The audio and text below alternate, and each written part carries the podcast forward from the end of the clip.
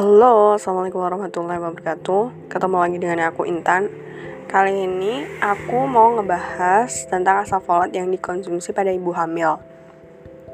Pada penelitian yang aku baca ini um, Memperlihatkan Jadi penelitian-penelitian terdahulu itu memperlihatkan kalau sebenarnya asam folat itu bisa mengurangi angka kejadian uh, neural tube defect atau ke kelainan kecacatan atau kelainan pada otak dan sum atau sumsum -sum tulang belakang. Penelitian ini penelitian yang akan aku bacakan ini diambil di Riyadh, Saudi Arabia. Tepatnya di Prince Sultan Military Medical City. Diambil pada bulan Juni 2010 sampai Juli eh Juni 2013. Jadi tiga tahunan. Sampel dari penelitian itu diambil uh, ibu hamil secara acak.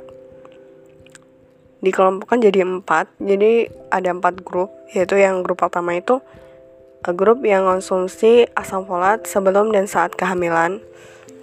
Terus grup yang kedua itu cuma pas kehamilan saja konsumsi asam folatnya. Terus yang grup ketiga nggak konsumsi asam folat. Dan yang grup keempat tidak ingat atau tidak yakin kalau konsumsi asam folat.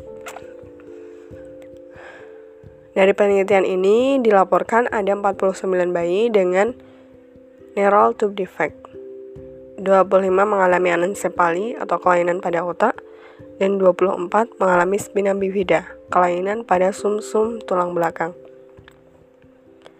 Di grup 1 itu ada 5 yang mengalami neural tube defect. Yang di grup 2 itu ada 2 38 yang mengalami neural tube defect Terus yang di grup 3 ada 6. Grup 4 gak ada. Jadi Jadi kesimpulannya penelitian ini itu menemukan kasus neural defect di Saudi Arabia itu lebih tinggi dibandingkan di negara industri lainnya. Di, di negara industri lainnya seperti Eropa pada tahun 2004 sampai 2008 itu angka kejadiannya 0,94 per 1000 kelahiran. Sedangkan di Arab Saudi sendiri ada 1,7 per 1000 kelahiran. Disarankan untuk ngasih edukasi tentang pentingnya asam folat. Nah, kalau perlu dikasih tambahan asam folat di beberapa makanan kayak gitu ya mungkin da dari saya itu saja. Semoga bermanfaat.